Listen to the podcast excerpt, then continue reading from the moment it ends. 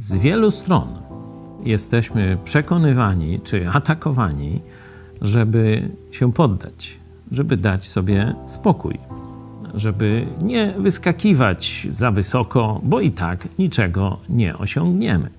To jest oczywiście marzenie piekła.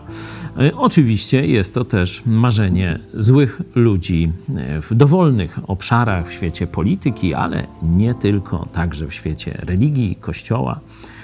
Nie podskakuj, nie wychylaj się, nie dąż do wielkich celów. No i teraz pytanie, czy się poddasz, czy wytrwasz?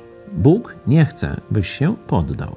Oczywiście Boży ludzie też będą cię zachęcać do tego, byś się nie poddał.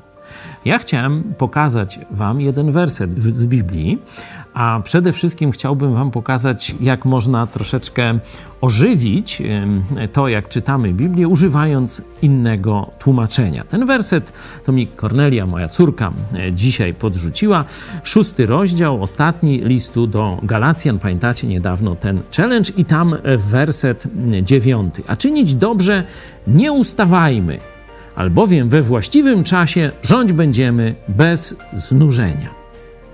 No, znam ten werset na pamięć od dawna, a Kornelia mi zarzuciła tłumaczenie pastora Zaręby. I tam czytamy: Bądźmy niestrudzeni w szlachetnym postępowaniu.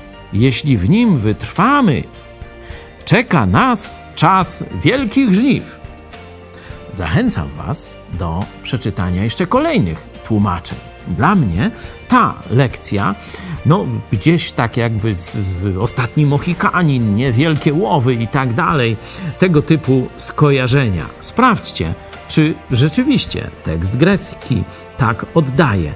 Możemy o tym kiedyś podyskutować. Piszcie kontakt małpa itspodprat.pl